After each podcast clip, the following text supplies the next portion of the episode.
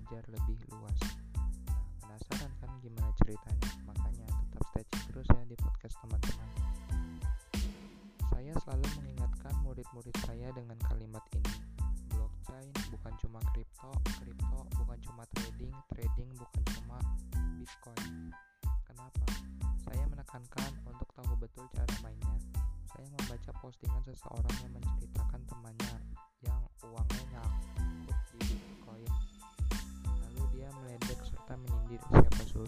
Bitcoin. Tunggu beberapa tahun tuh Bitcoin naik lagi. Tiga tahun terus makan apa selama tiga tahun menunggu. Nah, yang ngomong begitu berarti memang belum tahu cara main Bitcoin. Saya kasih tahu nih ya. Saya juga sih masih sedikit ilmunya, cuma punya pengalaman aja. Mungkin yang dilakukan temannya itu hanya trading. Mungkin yang dibeli temannya itu hanya Bitcoin. Mungkin yang dilakukan temannya harus dari uang dingin alias uang yang biasa dipakai jajan minuman Starbucks atau minuman soda, bahkan minuman boba.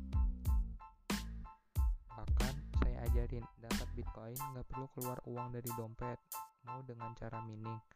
Lalu Bitcoin yang kamu beli ikutan ke staking dan farming supaya bisa bertambah dan bertumbuh.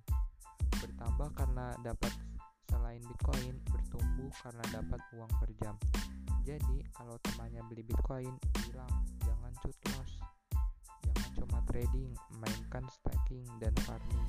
Maka walaupun Bitcoinnya lagi turun, nggak perlu dijual karena setiap jam bisa dapat uang dalam USDT atau BNB atau kripto lainnya setiap jam. Jadi kamu tetap bisa makan, minum, jalan selama Bitcoinmu masih ada. Yang jauh, pulangnya yang malam, temannya yang menguntungkan. Bukan mereka yang gak punya ilmu, bukan mereka yang gak tahu permainan, bukan mereka yang cuma nyinyir malah gak mau ulur tangan. Sudahlah, aku ingatkan lagi, blockchain bukan cuma kripto. Kripto bukan cuma trading, trading bukan cuma Bitcoin. Mining, trading, staking, lending, borrowing, bidding, farming, swapping, minting, dari saya. Jangan lupa untuk terus mendengarkan episode saya selanjutnya.